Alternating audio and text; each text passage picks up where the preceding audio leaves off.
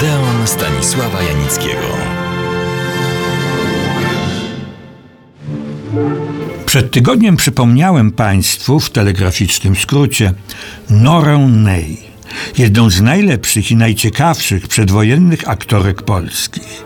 Opowiadałem już o niej dokładnie, jej rolach i burzliwym życiu wcześniej. Wspominałem, że czas powojenny spędziła w Stanach Zjednoczonych. Tam też w roku 2003 zmarła. Ale zanim to nastąpiło, miało miejsce wiele dramatycznych wydarzeń, bez których, tych najważniejszych, nie zrozumiemy jej niełatwych losów. Zanim wybuchła II wojna światowa, zmieniło się jej życie osobiste. Przede wszystkim wyszła za mąż za inżyniera Seweryna Steinwurzla, jednego z najlepszych przed wojną naszych operatorów filmowych. I żyliby długo i szczęśliwie, gdyby nie to, że Nora Ney nie tylko o swoją pozycję w świecie filmu dbała, ale pragnęła mieć także szczęśliwą rodzinę. A Severin Steinwurzel dzieci nie lubił. To było głównym powodem, że się rozstali.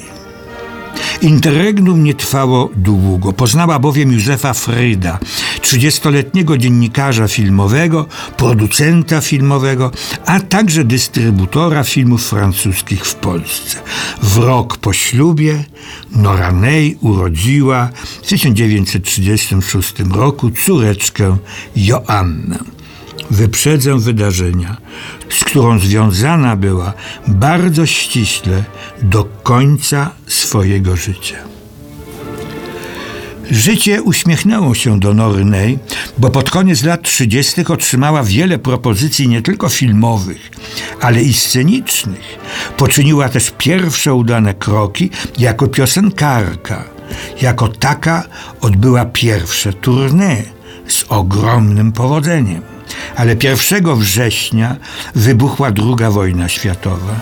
Mąż Norney miał liczne kontakty zagraniczne i chciałby wszyscy troje wjechali do Ameryki.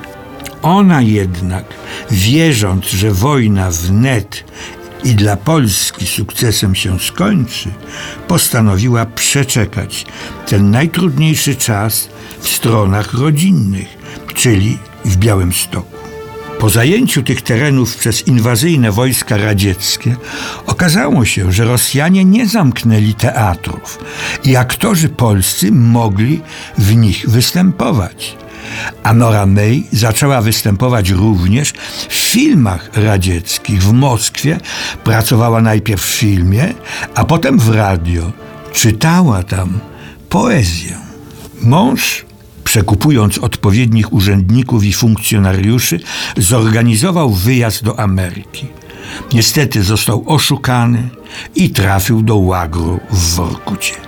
Tymczasem 22 czerwca 1941 roku hitlerowskie Niemcy, wbrew uprzednio zawartym układom, napadły na Związek Radziecki. 12 sierpnia tego roku wydany został dekret o amnestii więzionych na terenie ZSRR obywateli polskich. Mąż Nornej, znający kilka języków, trafił jako tłumacz do oddziałów generała Andersa. Ona nie chciała nigdzie wyjeżdżać, tym bardziej, że związana była wtedy z architektem Stefanem Trojckim. Mąż nie mógł się z tym do końca życia pogodzić. Tymczasem wojna się skończyła.